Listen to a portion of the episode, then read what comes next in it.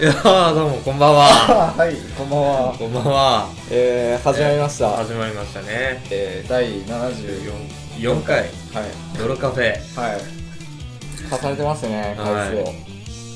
だいぶ行きましたねだいぶ来ましたね。えー、今日はどこからお届けしてるんですかえー、今日はですね、えー、私、あ、えー、ミキトゥルゴンドです。はい、はいえー、私か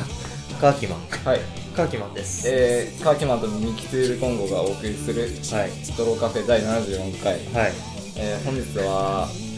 えー、私、ミキトゥルゴンゴの新居から、新居ですね、はい、お送りします。い、やー初めてですね。あの初めてですね私も来たの2回目で、はいまだちょっと家に慣れきってない感じがありましたね、ありますね。えーアネックス神殿うんうん AKA 豚箱から、 はいはいえー飛び出してね、うん家賃プラス5000円してはい数百メートル引っ越しましたけどで引っ越しっていうからにはね、うん街ごと変えるのかと思いきや、えー整えました、ねうん、ほぼとどまってますからね ほ、とんど整ったうん、いや最寄りもどうやら神殿だな、あそう一番近いの、若干神殿寄りなの特許って書いてあったけど、神殿でしたねああそう最寄り駅も変わらずとそうですか 1DK はいいやまあ広いですからね広いようん、D が広い、うん D が広いいやー何人か呼んでね、うん、ちょっとできちゃうねこれはでもパーティー的な、うまあ呼べる友達がん、ねいるえいやいるヨいるよーグルト友達いるたくさんいうるんえー、まあね友達はね深く狭く、うん、あのはいこれをモットーにやってるんでそうですねうんうんまあ広げたいと思ったことなんかね生まれてからねこの方ないからねないいないですからね、、うんないいやーまあいいですね新居いやいいっすよ、あとはこの白いカビガメがねうん、どれだけ黄色く染まるか、ええうんうんこれを楽しみにしていやいやはまあタバコも禁止にしようと思ってたんですけどい、うん、 3日持ちませんでしたねうん換気扇の下ならいいかうん、いやま始あまりかんあ何そっから崩れたあまあ換気扇つけてりゃいいかあはいあまあまだそこで止まってるんですけあどあ時間の問題でしょうねうん時間の問題だよねあ最初が肝心だからね破れたところからもうバッてはいどんどん崩れていくから最初はねベランダですってなんですけどうんうんうん寒いな換気扇つけてりゃいいかいやまあはいえじゃあー、はいまあね初めて聞くリうんリスナスナーーのためにもね、まあ、このラジオの説明をさせていただきましょうようんうんそうねはいあの詳しく説明したっていうことはないよね多分うんないかもしれない、ないよねベルトと2人で始めましそうなんとなくもう第74回まで来ちゃいましたけどたはいえー、発端ですね発端はいはい発端あれは川場の帰りじゃなかっ川場だな、たうんえー、2人でうん私と川木さんで2人でうん川場スキー場に行きましたね、あれはでまあ普段3人で行くとこうんろ、えー、ともう1人のメンバー、うんえカラスさんー、カラスさんですか、うんカラスさんはいはいカラスさんがな何かしらの事情で来れなくて、うんまあ、2人で行ってそうはいで俺らも初めてみんな川場が行ったことないっていうそうそうそう、んだったからうん、でそれで川場のレビューをちょっと彼に音声で伝えようっていう、はいはいそれがラジオの発端ですかあったんですねああ今じゃねもうリスナーは6万人あれそんなにいたうのんいやもう見てないのチェックしてないのああうんごめん今はもうね6万5千いってるからあごめんなさいまあね、うん結構、まあ、人気と言っても過言ではないのかなそうだねうん70回まあ1回でうん1030計算そうねは結構行きましたねいまあまあ順調なんじゃないですうかんこの調子でいける、うんそんなこんなでうん始めてそううん始めましたねまあこれそが楽しいなっつって、そう会話の練習にもなるなそってういう話でしたねそうなんですよ、はいうんここでねなんか気の利いたことをこう言う練習をしておけば、は日常生活に活かせるんじゃないかって生かせいるうんじゃないかって言って始めて、思って、はいまあ、日常生活節々でね、うんこれラジオのおかげかみたいな、あうん、そういうシーンはちらほらあったからあったねあ無理やり広げるとか、うん無理やり掘り下げるとかうんうん、そういうスキルが身についたんじゃないかっちょっとありませんてうんいやそもそもねあの私たち2人の会話がおかしすぎたんでうん、うん、いやもうひどいもんだよね会話って呼んでいいのかなっていううんいうんや本当になかっそう他の人だったら意思疎通図れないようなまあまあ主にボケたボケなんだよね、うん、今日はまあちょっと、うえーノリを変えて真面目に喋ってみよう、んまあそうだねラジオはねうん確かに関しては僕たち真面目だから真面目だからね、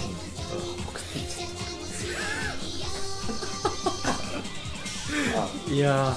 い一人称はえ俺うん俺、俺だんよねうんオッケーまあたまにオ イラ自社とかあるからねそうだよねどういうなんか出身だもんねそうだね千葉だからうん出身がさそうそう俺はち千葉千葉出身だからうさんそうだよなあ初めて会った時あの花に土がついててね 確かああやっぱ仕事の帰りだから田舎出身のやつってこんなもんなんだろうなってその時思ったけいどやいやいや、どう超えてるよ。あのコンクリートジャングルで鼻に土つけてどこ、どこにいやーまあ田舎もんだからまあしょうがないたまにオイラまで出ちゃうけそう本で当すにね文脈のない回、ボケどうん、をね、ずっとしてたから。そうそれがもう45年続いたからってたからね続いてましたね。うんまあちょっとそれ打ち切るためにうんも、うん会話面白、面白兄ちゃんになりたいってあなあんていいよねうん言ってましたけど、うんうんいや気づいたら面白おじさんうんうんにしかなれない人っていうね気づいてました、これ。もいやいやう面白い兄ちゃんにはなれないです。まあうんで話もだまよあね面白いおじさんってなんかまあいいっすよいいね。いい面白い兄ちゃんより面白いおじさんの方がうんうん好感持てる。うんまあまあ今俺らがおじさんになってるからねそうおじさんを受け入れてるおじさんうんうんでちょっと渋さを出していてね BGM が似合ってないけど大丈いやいやいやいいいいんだねタオル回すよおじさんもうん夫おじさんは回すえ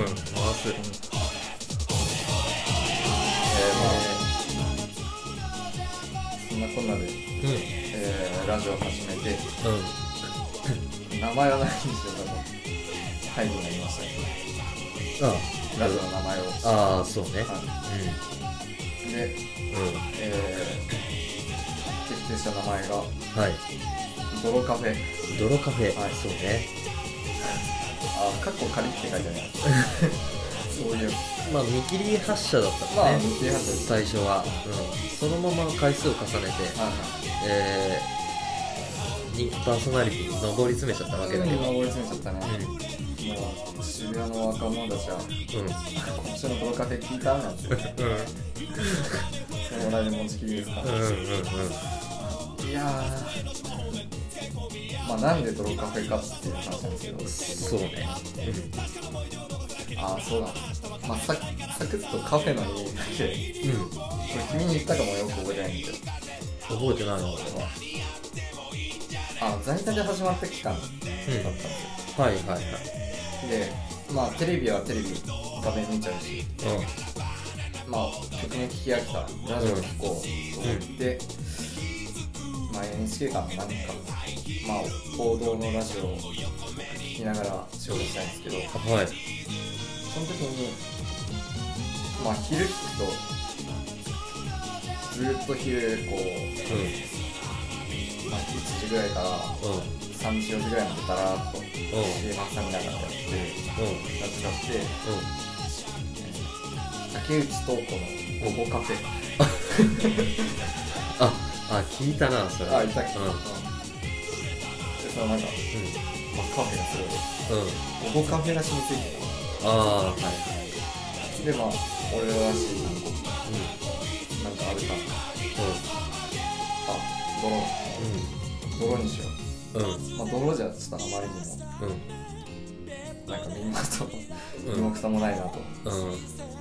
えー、泥カフェにしましたねうんそうそうそこで泥カフェはいはいまあとはいえ、うまあ、初めて聞くリスナーのために、んうんえー、泥って何なんだろうってそうね思いますかね思ってほしいんですけどはうんそうね泥って何なんだろうっていはいみんな疑問でいっぱいだよね今えー、ちょっと調べてみますうんはい泥泥の定義ははいい定義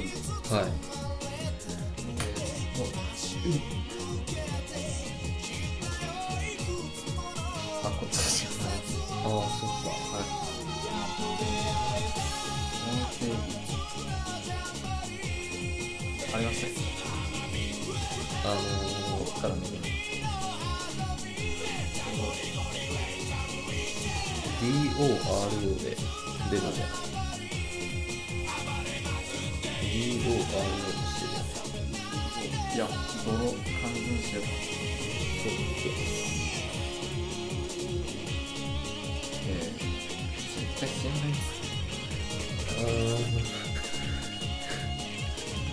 まあ確かねああ、出てます。あ、出ました。すみません。のはい。えっと、泥、はいえー、漢字で三髄に甘、はいえー、ローマ字で DORO、はいえー、意味丸一、はい常に少しずつ流れていく時間と、常につきまとう少しの憂鬱ああこれはをい泥と定義してるらしいですね。はいえー、丸二、えー、丸一をうんうん傍らに置いたまま、うん実質のワンケンに敷き詰められたフローリングから、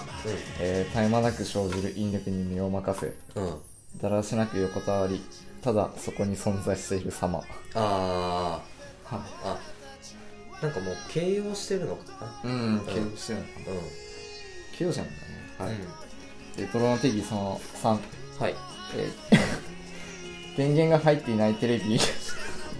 レビを焦点を合わせることなく眺める行為はい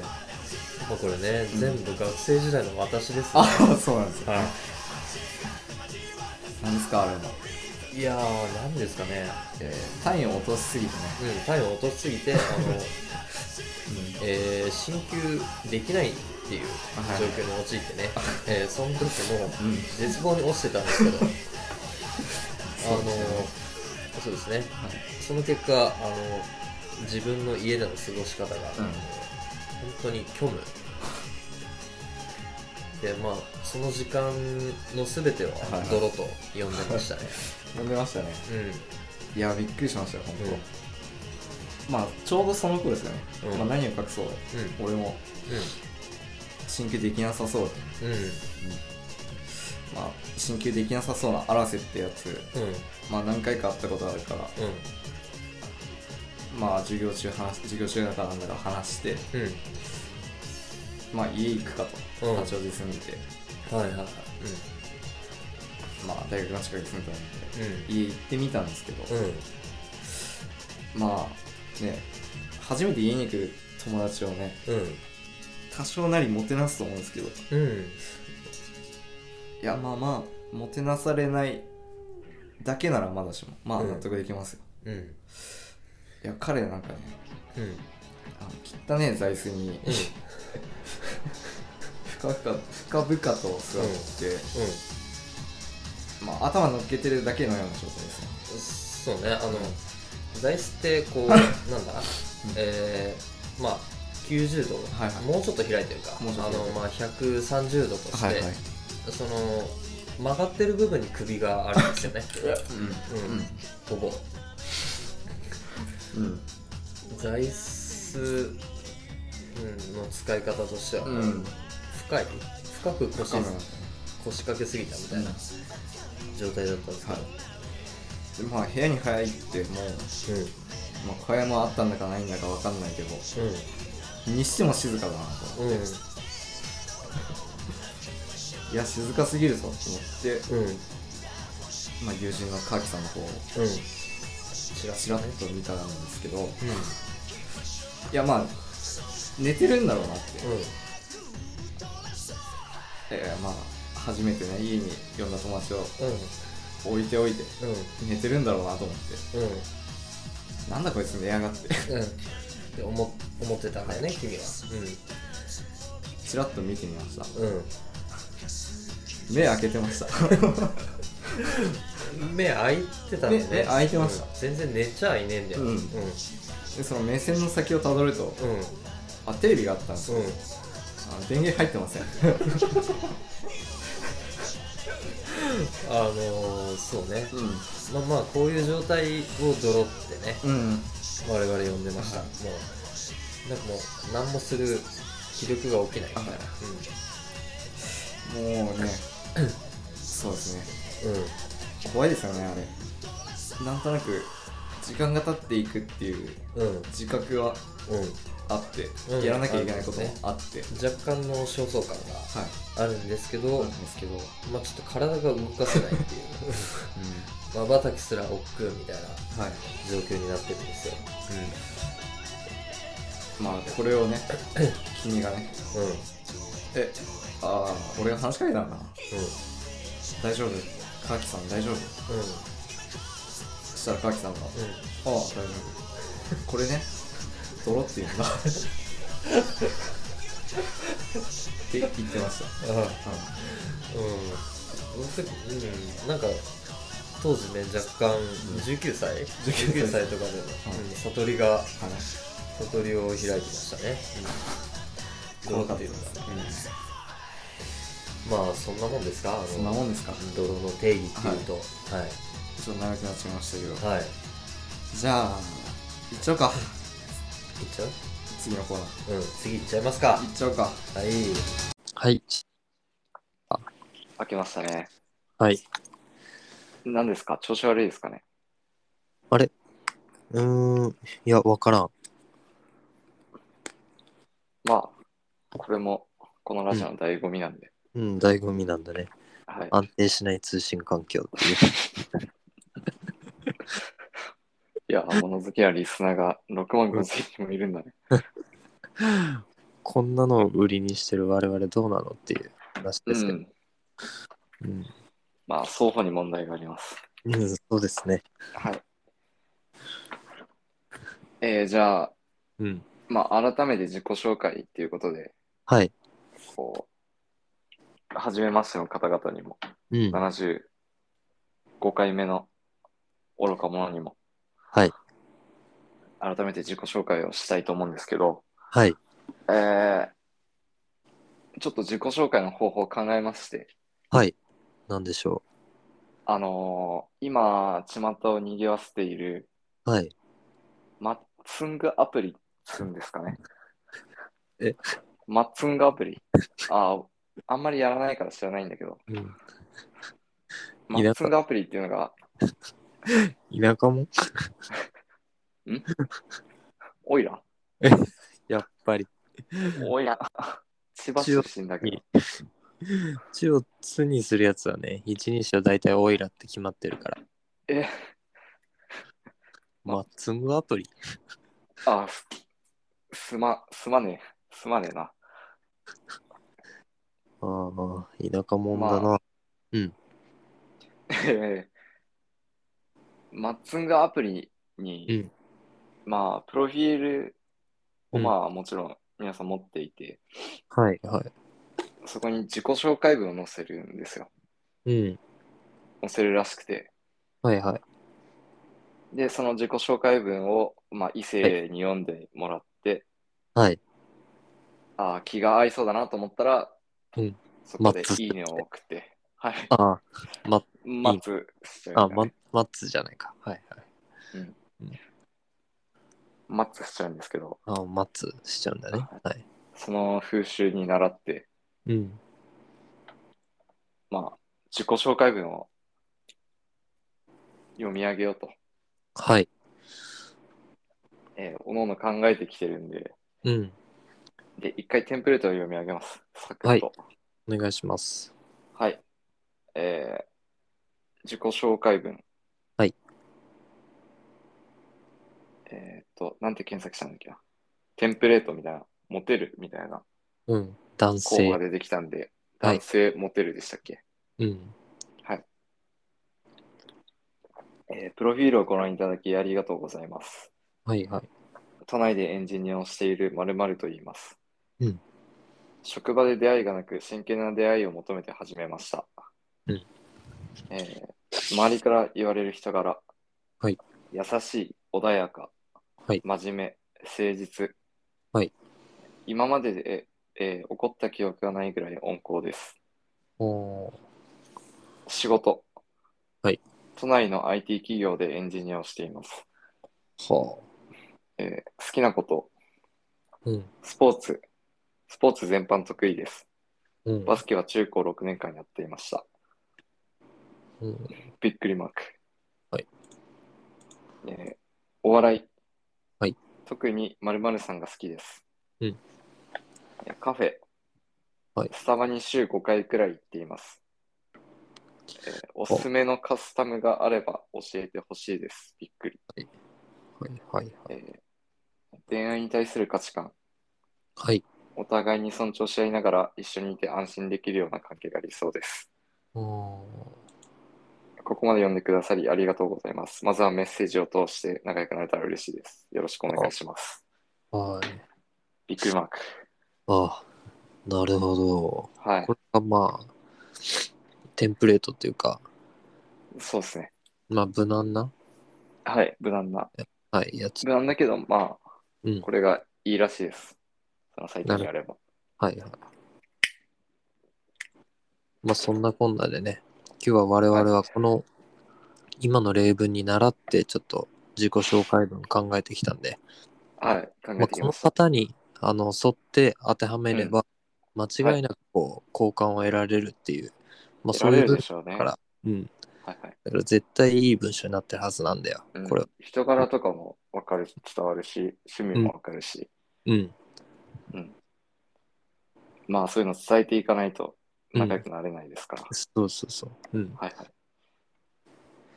えー、っと、ど、あ、私からいきますか、じゃそうですね。はい。あ。はい。えー、読みます。はい。皆さん、こんばんは。はい。えー、埼玉を根城にする在宅メーカーで、えうー木材加工をしているミキトゥールゴンゴと言います。うん。はいはい。大工の根絶を目指してます。ん職場ではモチベーションを上げるため、疑似恋愛なるものをしていましたがお、俺、なんだかおかしいと思い、アプリを始めました。あれうんおかしいな、なんか。疑似恋愛、ねうん。えうーん周りから言われる人柄、はい。素直、欲望に忠実、はい。あーえ ー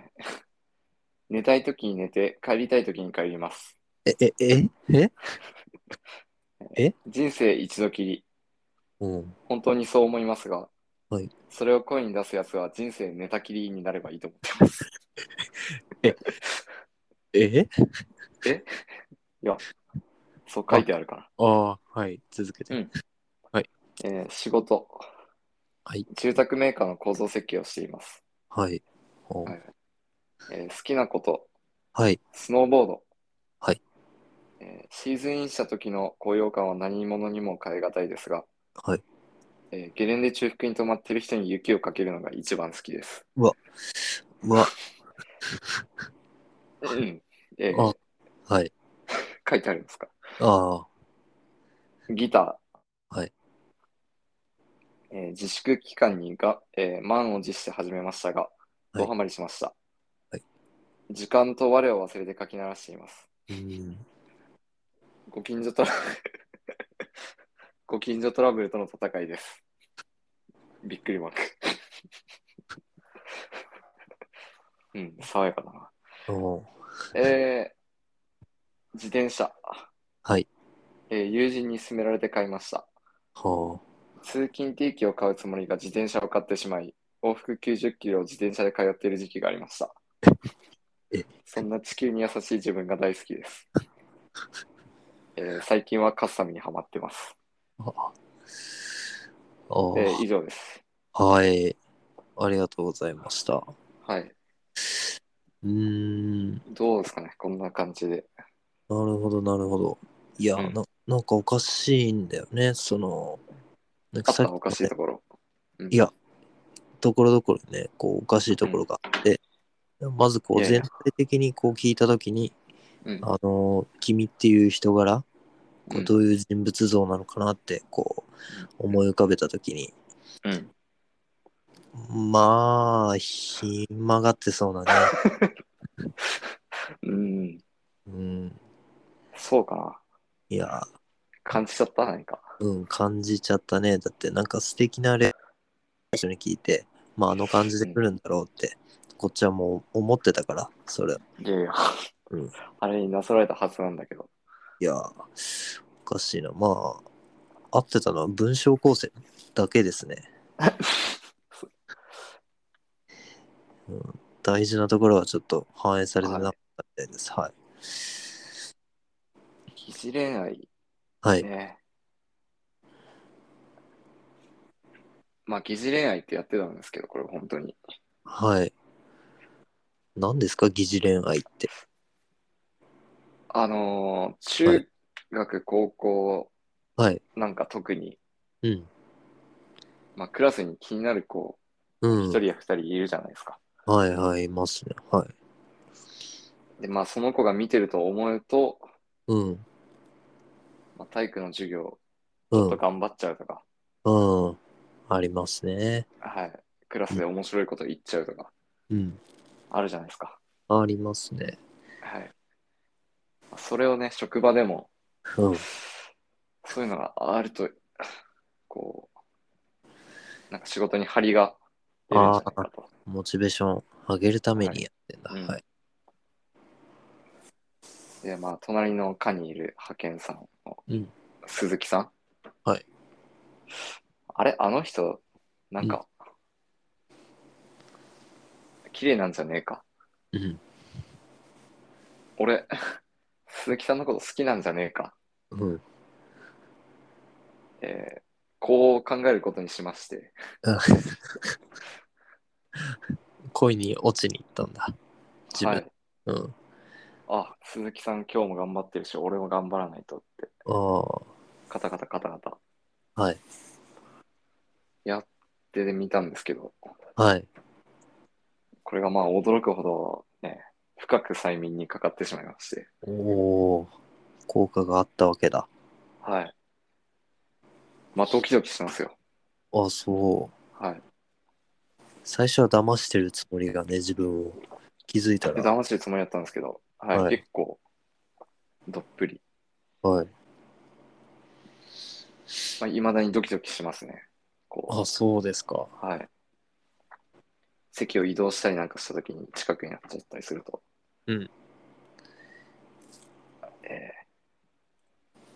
ちょっと背筋よくしたりなんかしてね。あありますね。あ、ああ。あまあいいですね、そういうのは。うん。まあそれで仕これを事いいですねっていうのはまあ君ぐらいなんだけどね。おかしい。漏れなく、俺もおかしいよ、君も。おかしいんだ。それが理解できないんだよな。悲しいことに。悲しいね。うん。まあうん趣味はスノーボード、ギター、自転車。ははい。まあこのあたりですね。はい。こう、一人の世界に没頭できるようなうん。感じ。うん。どれもね、ちょっとそう,、うそういう傾向はあるよね。全部に。いや、私もこの、えんうん都内のエンジニアをしてるまるさんうんと同じく中高、うん大大も、うんバスケットボールやってたんですけど、はい。まあ、いかんせん、まあ、性格が素直なもんで、ああ、そうだね。ううん。ちょっとなんか、周りに気を使ったプレはい。ーを選んでしまいがちうん。なところがあって、はい。まあそこの楽しさももちろんあるんですけど、うん。なかなか部活ぐらい、こう、なんか本気でやってないと、うん。そこの楽しさって味わえない。うん。まあ、チームスポーツ。そうね。熱量がみんな近くないと、うん。そういう楽しさってないんで、うん。なんか今は、こう、個人の競技うん、競技だったり、うん。楽器だったり、うん。もう自分一人でやって、自分一人で気持ちよくなる。うん。これ、いわゆる、うん。おああねあ、オナニーが好き です。あああやったね。やっちゃった。やったね。やったね。うん。まあ、はいここは編集するんで。はい。え、そのとこです。はいはいはい。じゃあ、かきさん読んでもらっていいですかはい。私ですね。はい。えー、っと。えー、っと、私のプロフィールうん。ました。はい。えー、じゃあ読みます。お願いします。えープロフィールをご覧いただきありがとうございます。えー都内で施工かな管理をしているカーキマンと言います。あ、施工管理をしてる。うん職場では馬車馬のように働き、ビールは決して日の少ない自室の窓から隣のビールの外壁を眺めると、肌がカーキ色に変色してきたため、このままではまずいと思い立ち、真剣な出会いを求めて始めました。えー、はい。手遅れです。えー周りから言われる人柄、はい。好戦的、ああ、戦いを好むと。 えー生まれつき人より力が強く街で強そうなやつを見ると戦ってみたい衝動を抑えられますまずいな。えー偏食、はい平日は朝昼晩パン粉を食べてい ますやばい。独自に趣向に限らず偏りが大きいですうん。大きすぎるね。パン粉を食べるんだ。えー仕事はい平日は主に都内で施工管理、えーはい休日は埼玉で低賃金の肉体労働をしていられています、うん。不憫だな。えー好きな こと、えーまず一つが、えーはいはいスノーボードと自転車、はい。えー生まれつき人より速く人よりスピードを出すことが好きですがうん雪をかけられることも大好きです、うんぴったりなやつがいそうだな。えー次ですはい。服、えーうんファッションね、はいえーカーキ色の服をたくさん持っています、はい。はいえー次ですね、はいえー DIY、はいえー最近はステッカー作りにはまりうん。週末は全身にステッカーを貼り渋谷の女子中高生に「どれが欲しい? 」と尋ねて歩いていますうん。捕まっちゃうね。間違いなく。えーだよ。恋愛に対する価値観、あ、はいはい。えー髪が金髪で肌がカーキ色の女性が好きです。うん。いるかなゴブリンかなえーここまで読んでくださりありがとうございます。あまずは戦いを通して仲良くなってほしいです。よろしくお願いします。ああ、そうですか。いやー、えこれが私、俺、うん。分かってもらえたかな。いやー、わ分かってもらえるかな。うん。変じゃないいえ、そう、そうん。すごく変。ううん。すごく変というか。うんうん。なんだか変だな。あー、出た出た出た出た。なんだか、君変だよ。なんだか変っていう、なんだか変っていう、この罵り方。これね、これ絶妙なんですよ。これだ から、うん。お前すなごなんくだかね。変って、もう、お前すげえ変って言ってほしいんだよね。もうこの際。うん、そこをさ、あの、君なんだか変だねって。うん、お前それ、あの、普通でいるつもりみたいな。嫌味のかかったニュアンスが含まれるんだよね、これ。かかるね。うん。なんだか変だね、君って。すげえ嫌な言葉だよね。普通だと思ってるかもしれないけど。うん。実は君、普通じゃないんじゃないっていうニュアンス。すげえ。いや、だうん。いや、いい言葉見つけたな。やっぱりね、さっきのプロフィール聞くからにね、そういうこと言うの好きそうな人だなって思う。うん。ちょっとね、こういうとこ、楽しんじゃいますよね。はい。変と言い切らずにね、うん。これがポイントですよね。うん。はい。不安にさせる。うん。一番立ちが悪いですね。はい。ええー、えーのプロフィール、ちょっはいと、上から軽くなぞっていきますか。ーはいはい。えー、まあ、職業、職業はあの施工管理をしている。はい。ねしてます。えー非常に忙しく、えーはい家の環境が悪いせいで肌が変色したと。まあ、ざっくりこういうことですかね。まあ、ざっくり、 かいつまんだね。うん、うんで。まあ周りから言われる人柄、えーこれはまあこううん、 肌肌が肌がカキ色に変色したところ、うんそんな簡単に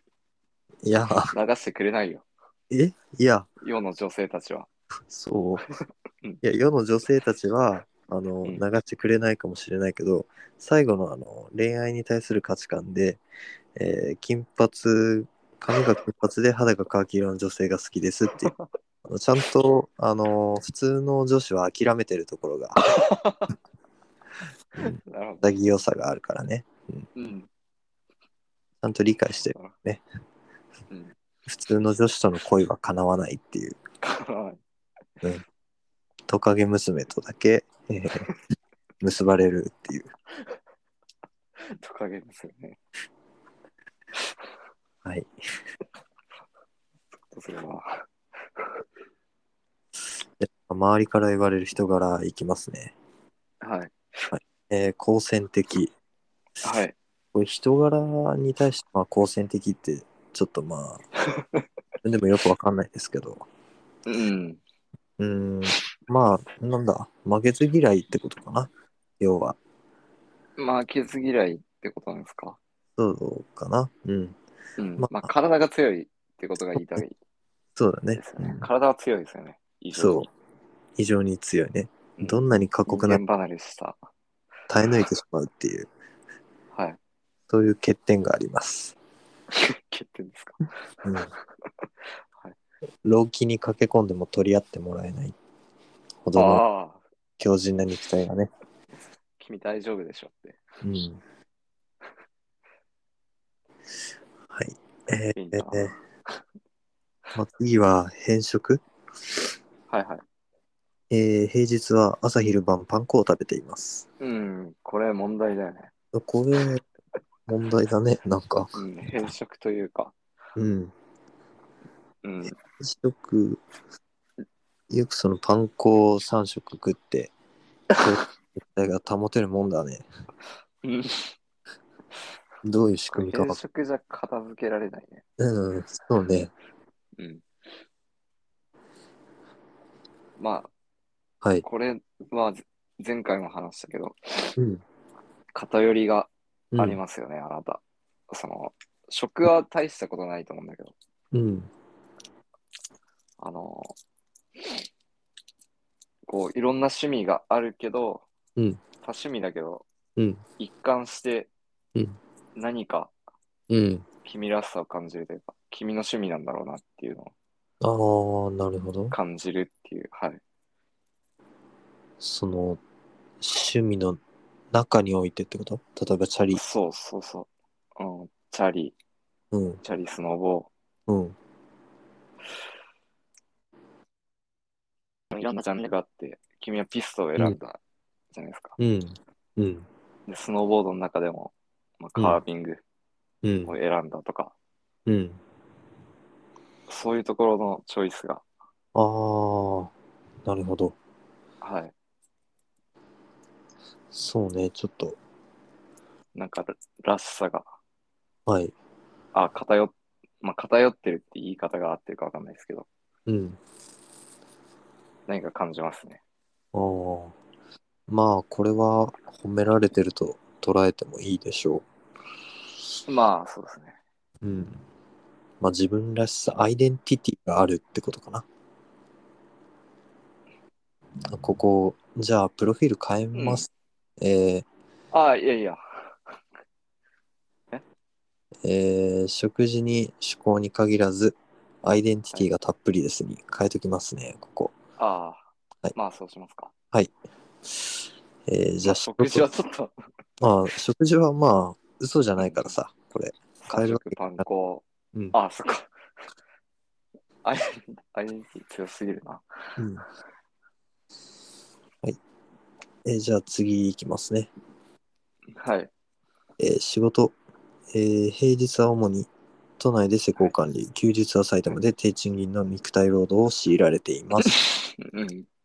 やこれひどい話ですよ、本当に。まあいくら体が強いとはいえ、あうのん、、強いせいでね。うん、平日、馬車馬のように働いて、でなおかつ休日、これ休日って書いてあるけど、休んでないですから ね。で、賃金で肉体労働って、その後にすぐ労働っていう単語が出てくるから、うん全然休んでない。休んでないね。休んでないん週ですよ。 7でうん。ばっちり働いてる。 ね化け物ですね。る。化け物ですね。まあ、こういうところ、この仕事の項目からも、この体力お化けっていうところが伺えます。伺いますね。はい。えー、では次行っちゃいましょう。はい。えーきましょう好きなこと、スノーボードと自転車。えーまずこれで一つね。えー生まれつき人より速く人、人よりスピードを出すことが好きですが、雪をかけられることも大好きです。うん。マッチしそうですね、これ。マッチしそうですね。誰かと、ちょうど。誰かとね。利害が一致しそうな人いますね。雪をかけることが好きな人と、雪をかけられることが大好きな人。うん。うんいるかな、そんな、そんな最低なやつ。そんな最低なやつとド変態が。うん。これ、二人が巡り合えたらもうそれこそ、本当ウィンウィンですよね。いい便ですね。はい。えー、まあ、生まれつき人より早く人よりスピードを出すことが好き。はい。まあ、そうね。体力早いですよね。 わけ。力が。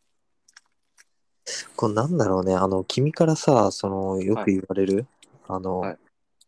ちょっとネタにされてるとこところもありますけど、車のドアをさ、はい締めるとき、あはいはいはい。あれ俺、ちょっと優しめにやるんだよね。あ、そうですか。ただ、その、はドアを閉めるとき、半ドアになったらさ、だるいじゃん。はいはい。半ドアにならないような強さ。で、なおかつちょっと優しく。あで、あの結果、バン恐ろしい音がしちゃうんだけど。いや、自分では軽くやってるつもりなんだけどね。毎回ぺちゃんこになっちゃうからね。うん、車が ね俺。の車。うん。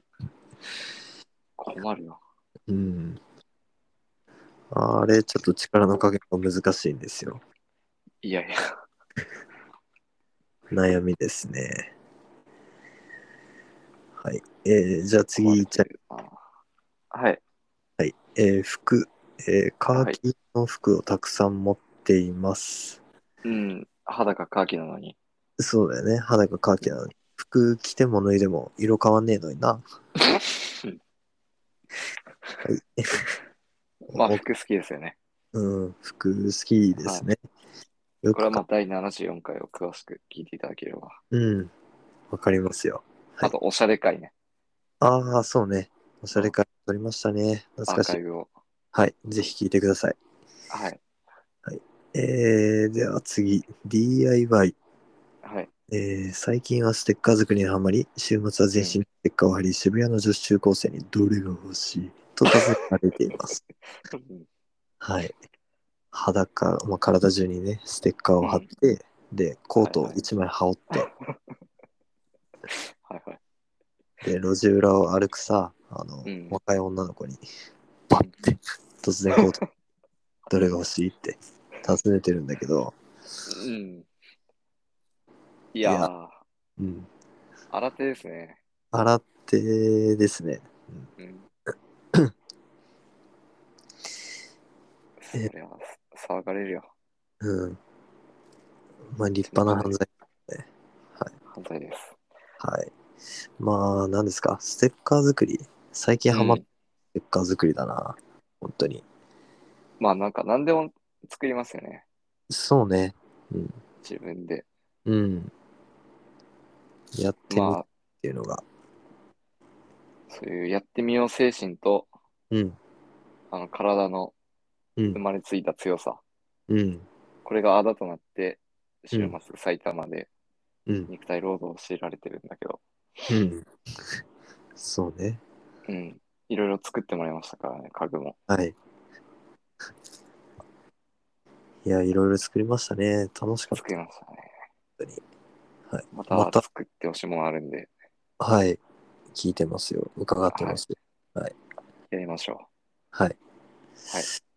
えーで、恋愛に対する価値観は、えー髪が金髪で肌がカーキ色の女性が好きと、う。うん。えーまあ、いちょるっとかこな。の際、あのカーキ色は置いといて、えーはいはい。結構金髪、派手髪がなんか僕好きなんですよね。派手う。髪っていうん色を、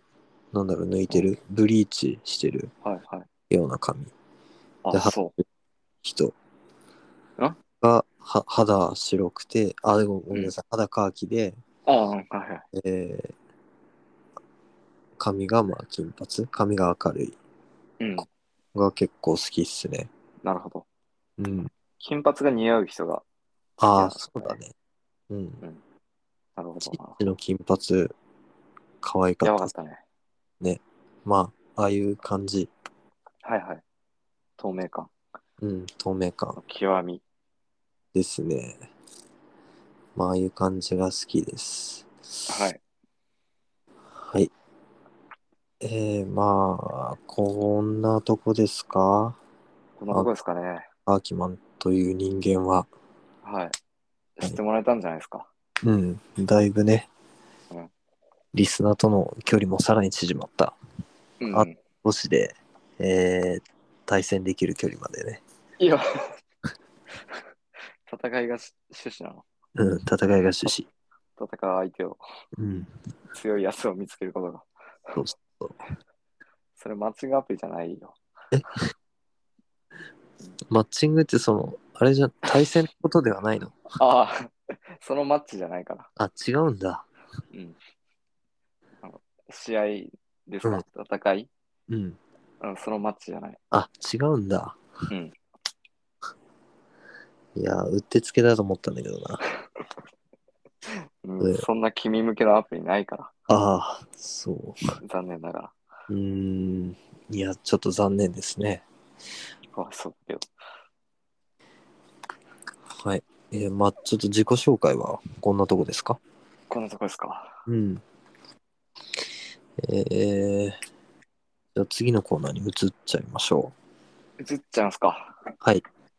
あ、その前に。はい。えー、一旦。はい。タバコ休憩です。はい。タバコ休憩ですね。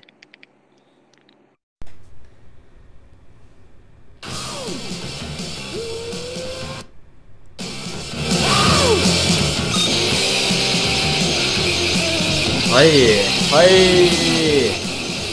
いじゃあねうお待ちかねのいあれやっちゃおうか、ん。あれ、やっちゃうあれやっちゃおうかうもうテンション高めでねん。うん。お送りしちゃおうか。うん。お送りしちゃおうかええー、いつものあのコーナー、ー、いはい、っちゃうよ。うん、じゃあ、えータイトルコールはい。やっちゃうんやははい。えー、題して、いえー、ゲレンデレビュー。楽しいこれ待ってたんだ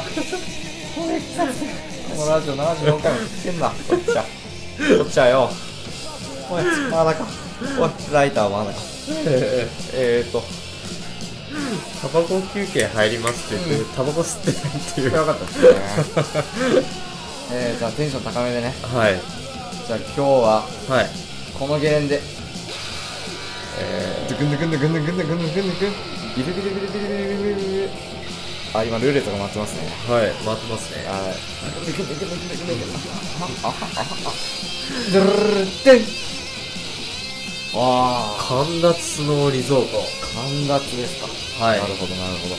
えきですね神田津はい我々はいー、KSR ですね。神田津のリゾートはい略して KSR はい。いやー楽しいですよはい。最近行きましたよね。最近来ましたねはい。あれは何ですかあのー、おじさん知らないおじさん知らないおじさん。ははいい。マッツさんですかマッチさんですね。あの くー、しくもマッツさんはい。本当にマッツさんですからねうん。えー、とこれは確かあのカラスさん、カラスさんですね。カラスさんがイエテ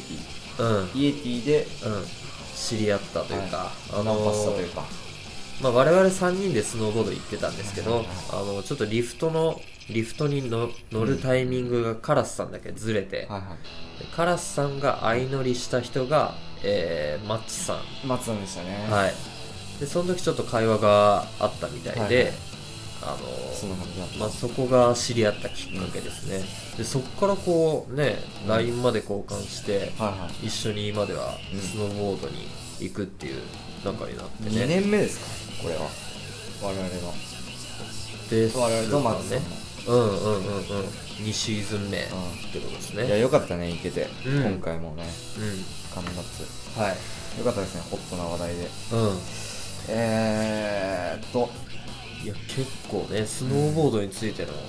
はいスノーボードについて博識なうんおじさんでしたから、はいうん、我々も学ぶところ多しというところで、う KSR のね、はいあのいろいろ情報いただいて、ん、うん、じゃあまずはうん、まずコース紹介にしますかそうですね、はい、え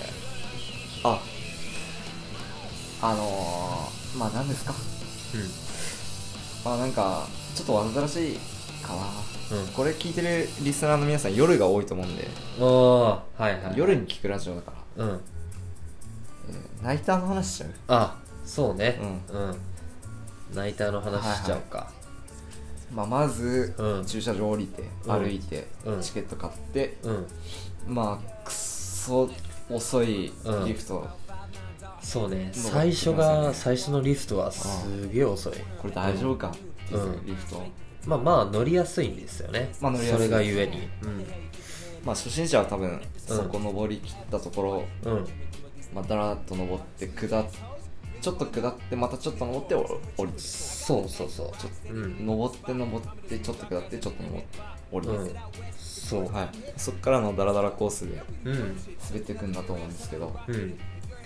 まあ、そこからねちょっと、あのリフト降りたら、いまた次すぐ乗り継いで、うんえーさらに上に行くんですよねそうですね、うんなんかいたよねあの彼あのリフト降りてたかああー いや君なんかんんえ何いやーあのね、まあ、まずそのチケット買ってリフト乗って、はでリフト降りて、はえー目の前にいるんいでいやーもういいよ次のリフト乗りに行こうよいやいやいやリフいトやいらあないの何降りたら、うんえ次のロうんリフトに乗る前に、乗るよねいや乗るよもうすぐ乗ろうよい や乗る前に、あえー目の前に、はいせっかく巨大いやな雪だるまがあるんだから、いらないうん、あれでねみんなであそうの彼雪だるまうんを背景にね写真なんか撮っいちゃやったりーいしてらないってそれえいらない含まれてないからいらないうんあれ KSR いやあれもねあの KSR のサービスの一つだと思うんだよにいね、るかなうん、あれみんなで写真を撮ってくださいっていうそういう意味のそうかなだって浮かばれないよいやあの彼がねいやだってうんだって作られるべくして作られてないよあれいや誰も韓国人だ けだよ韓国人と中国人だけあそこでうんキャッキャウフフするのはううんまあ誰も見向きもしてなかったですねう、んはいまあこすり倒しましたよねうんこないだ行った時にね、はいあれで写真撮ろうよっていうボケを、うんあの延々とやってましたね、いいよ やめようよずっとやってましたよ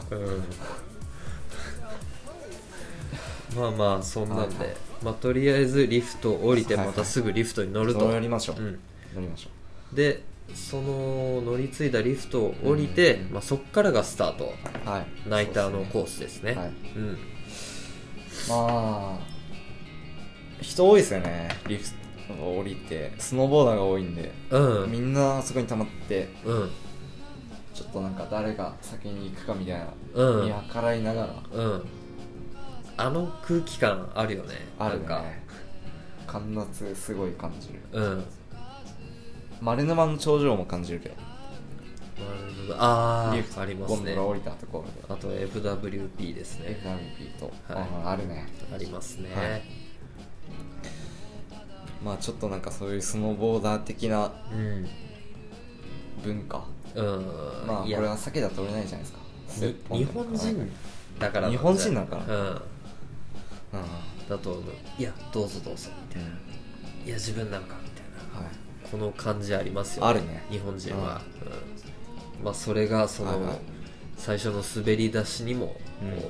反映されてるというかとりあえず履いたら出よううん、うんそ,、そうねれが正解かもしれない、うん詰まりますからね、うんうん履いたら出る吐いたら出る、はいみんな吐いたら出ると、はいうんそれが基地ですねはいそうしましょう、でまあぬるっと緩い斜面を滑って、うんうんうんえー、あなんか途中あれがありますよねウェーブがあありますウェーねブがあって、まあぴょんぴょん飛び跳ねちゃったりうん、うん、なんかしちゃったりしてねなんかしちゃったりしてうん楽しそうなうんゲームですようん誰にでも楽しめるうん緩い斜面がうんあってその後壁ゾーンですか左にそうだねうん左にずっと壁があって右にもちょっと壁があってうんえっ、と右がレギュラー壁左がグーフィー壁はいはいというらしいですうん2で登ってヒヒールで降りるのがうんやりやすいのかなっていうことなんじゃないかうんな、右右がレギュラーだとしたら、うん、右右にあると嬉しいよね最近左の壁も結構好きなんでああそうですかはいな そんなこんなで、うんえー右に折れますよねそうだねうんでまたちょっと壁も右側にうん壁もあって、ありますねはいそっからまあ広いバーンですよ、うんまあ綺麗ですよねナイターの、うんうんなんかまあこのはい太陽光じゃなくてこうライトアップされた人工の光で、なんかあれでより雪面が見やすいです見よやすい、ね。ううんん、昼より見やすいそうそうそう昼は眩しすぎたりするからねうん眩しすぎるか暗い暗すぎてそう、ガスってるからねうん、霧がかって、うん、いやナイターは澄んでますからそう、空気がうん、いいっすねうん、ちょっと生きっちゃうねそうそうそななんう、なんだろうなうん、光に反応しちゃうなネオンみたいなああそういうこと、いやはいわかんないけど、いヤやンでもあヤンりキそうーうん、のあのイカ漁船って呼ばれるようなうん、あのライトアップされた車ああはいはいはい、ヤンキーはみんな、うんあのイカ漁イカ漁船にうん、乗り込んでうレゲエなんか流しちゃったりするらしいんですけどん、はい、まあなんかちょっとあ俺今日いつもよりうまいんじゃねえかみたいな、うん、まあ、あるじじゃないですかゃん、うんうんうん、いやまああの斜面は楽しい広い、うんめっちゃ広い誰しも多少は持ち合わせてるのかなその感覚を、ううんんあるんじゃないかなそれがくすぐられるというか、あうん、そこをねもう右に左にうん、駆け回ってそうそうそうはそう、いはなんせ横に広いですからねい横に広いね、うえーそそんなこんなんうでんまだリフト乗り場に戻ってきて乗っていこうと、うんうんはいまあそこがナイターのコースって感じですかね、はいうん昼はどこ行けるかなあ前ー回そ頂こ上行かなかったよねあ行ってないねミルキーウェイうんうんミルキーウェイからうのん崖うん崖パウダー、うんいやー雪重かったなーも重うかったねでも神夏基本ああいう感じでも割と重めだけど、うん整備されてるとこはすげえ気持ちいいねうんうん雰囲気あるやんどうなんだろうマッツさんが連れてってくれるぐらいだからうんコンディションいい時はめちゃめちゃああ気持ちよそっかそっくかできるのかもしれないうんいやーでも楽しかったね楽しかったっすねこの間そんなコース紹介うんあっち行ったらはい砂防ダムだからああはいはいダムがあるからあくまで自己責任うんこの前線より右側をひたすら行って、うんみたいないやーそこに今回参加できなかった福江さんもうん砂防ダムチキンレースどうですかみたいな LINE 送ってきてましたああそうああなんかあるんだなーってああいかに攻められるかそういうことなのか、へまあねどうですかねまあ楽しくえう滑りたいですね一そう回ねリスナーとんうん行ったんですよ神夏あそうなんですかははあのうちのメインパーソナリティの一人、うんカラスさんといはいえー、っとリスナーであり、うんカラスさんの後輩であるおうラジオネーム小娘ああ小娘さんははいい小娘さんと行って、はいまあ、結構ちゃんと滑れてたんで、あそうなんだ、ガンガン楽しいとこそうね探して探してうんまだ見たことないコースもありそうですから、そうねんあいあそこ誰か行ってるなとか意外と普通に滑る楽しく滑れそうだなみうたいんうんなまだまだまだコースはたくさんあると思ってね、うんうんまあ、次回行くことがあるとしたらああるとすればねるうんとすれば、その時またちょっと開拓できれば、うんはいうんいいかなーなんて、はい、思っちゃったり、うん、えー、神夏での思い出はいはい次神の夏での思い出ええなんかありますかいやーあの初めて行った時、はいナイターだったじゃないですか、うんあのボロクソ泣いてたよなあれ泣いてましたっけ俺なんかちょっと泣いてたシーズンイン間もなくでうんとりあえずオットーに乗っあ、はいはい違う久しぶりにオットーに乗ってあああーそうだったかそうでセットバックじゃない板に久しぶりに乗ったもんで、うん感覚がマジで分かんなくなってあれはむずいあ細いじゃんうんあれで滑れねえ滑れねえってああ言ってたかならったなあの時うんうん多分初回だったと思うんだけどナイターでうんあの我々のメインパーソナリティの一人カラスさんはい何乗ってましたっけえもうカフェ、カフェかうあめちゃめちゃ生きてたんだよ、ん、カラスさんうん、そうだったっけいやーもうなんかうんすごいノリノリだった、ガンガン羽ばたかせてうんたはいこの「思い出」っていうテーマでうん言わせてもらうと、うんまああれですようんあのー、何でしたっけあのカービングタウンからのうんリバースターンかはいはいはいはいリバースターンを決めてうんえー、雪舞い上げて、うん舞い上げて、はい、そこにね一人のいたいけな少女がうんうんゆっくりゆっくり滑ってましたようんそこにねうんあの生きったカラスが突っうん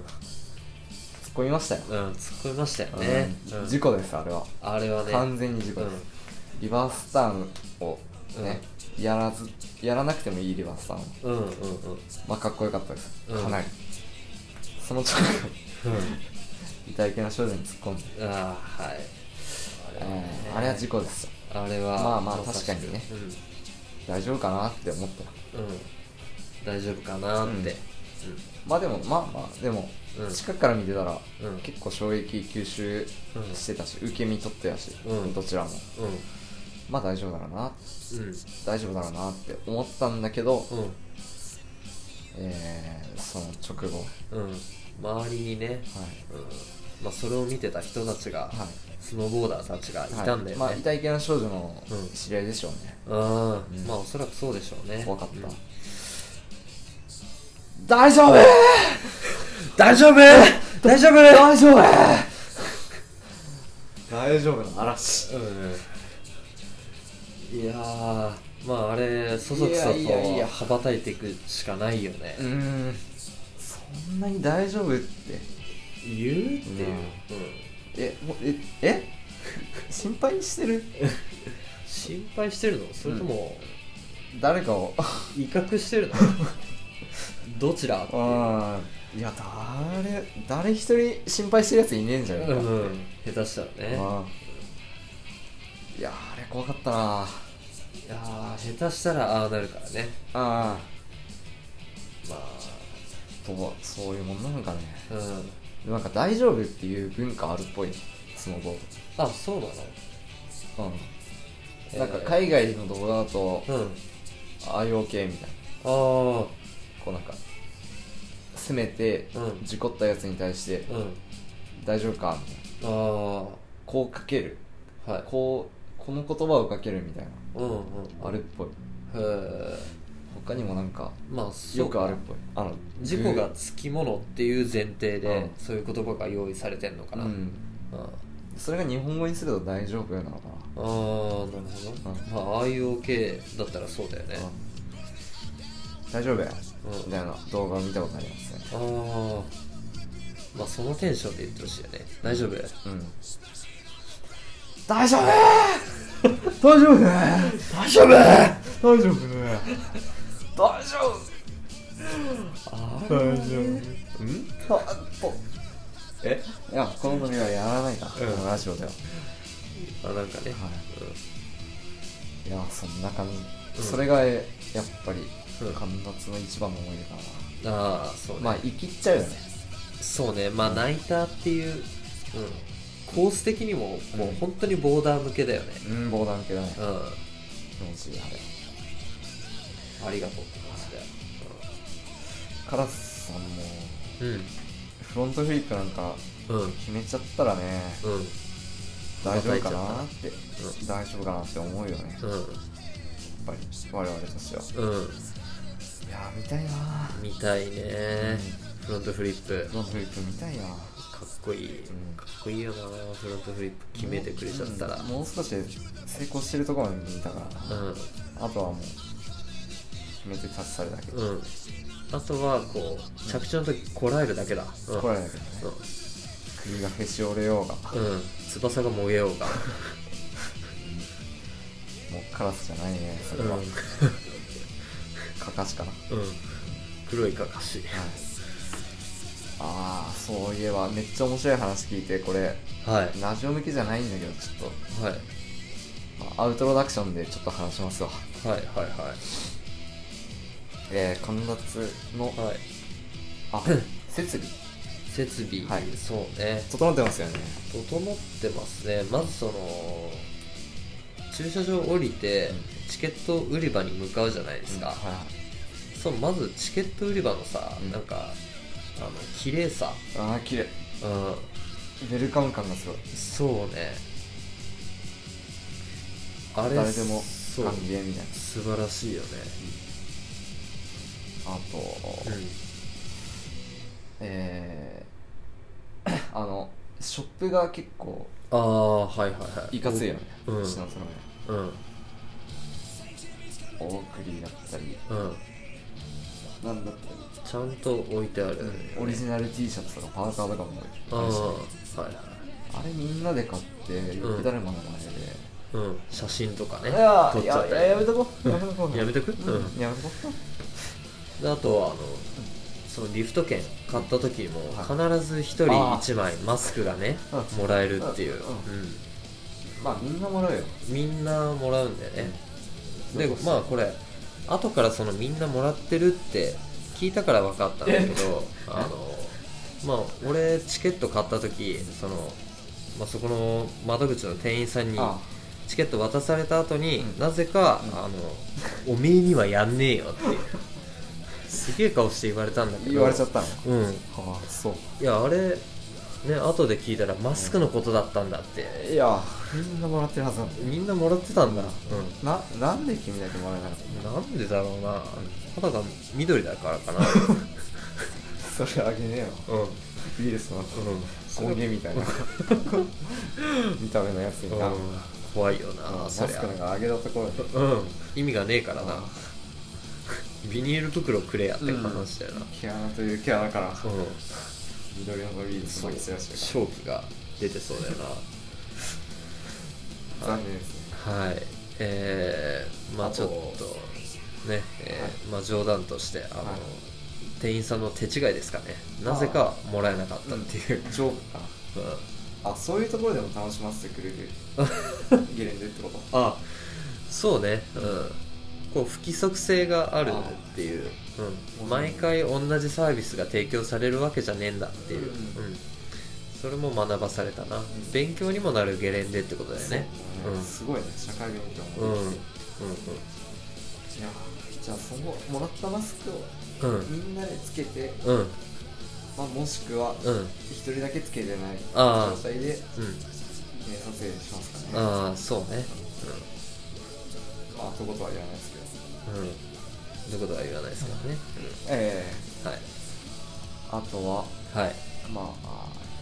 人ゲレンデ登ったん人リフト登った後のうん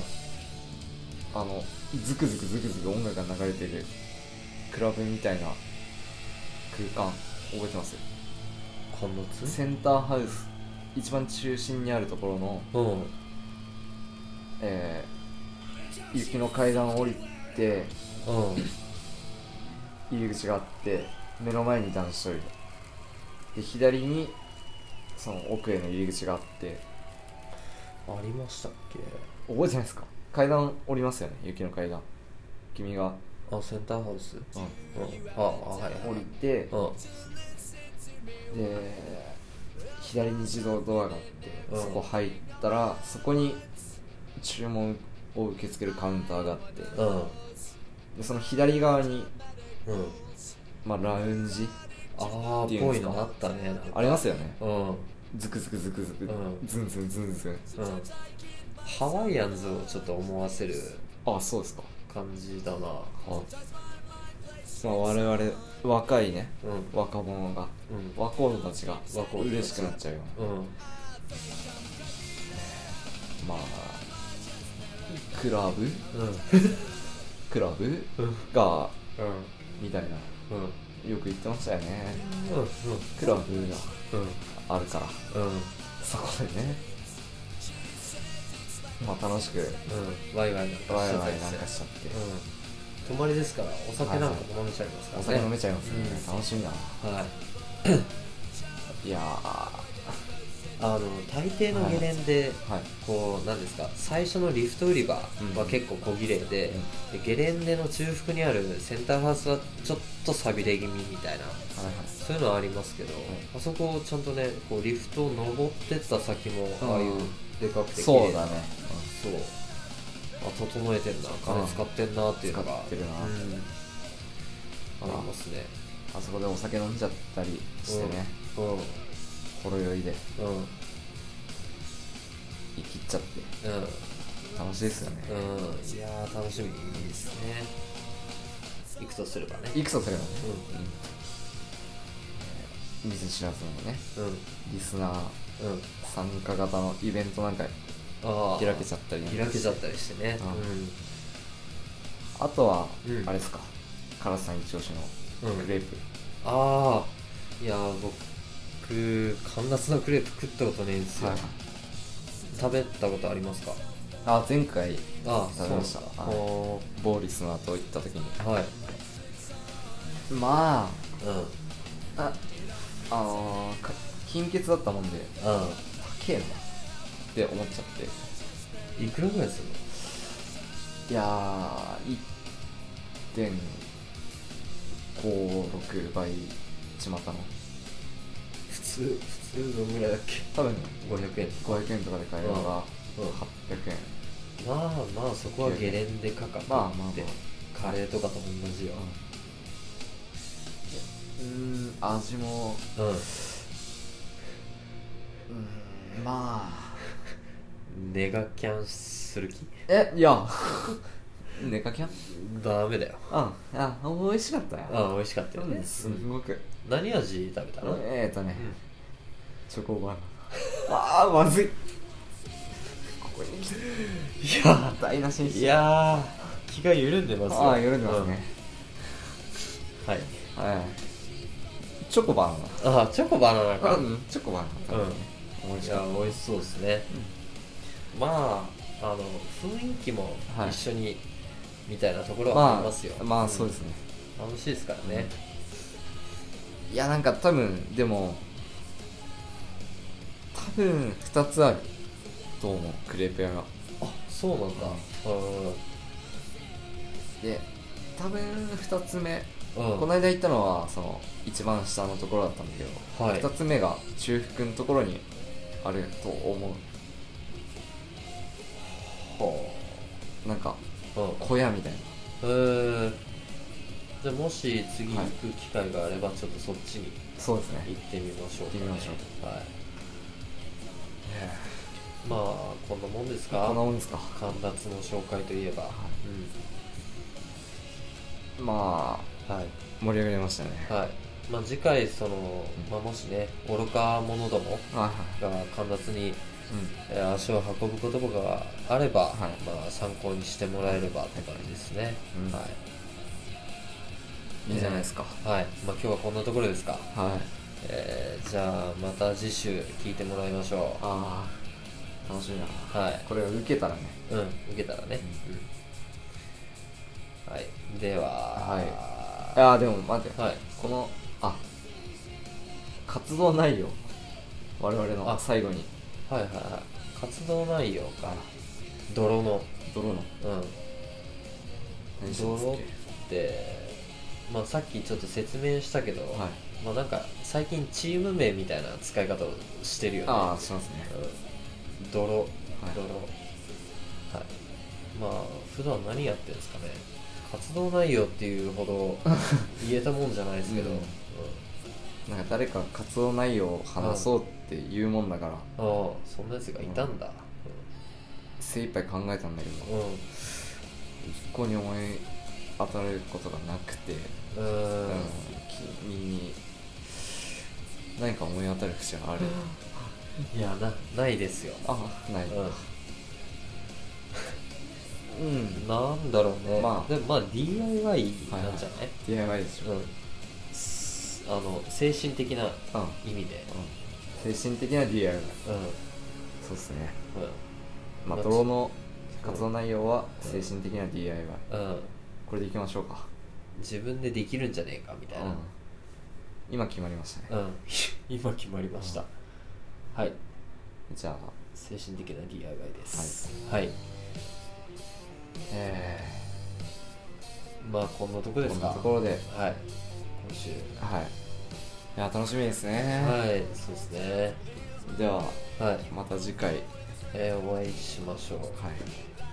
えーまたらじうーん、またラジ。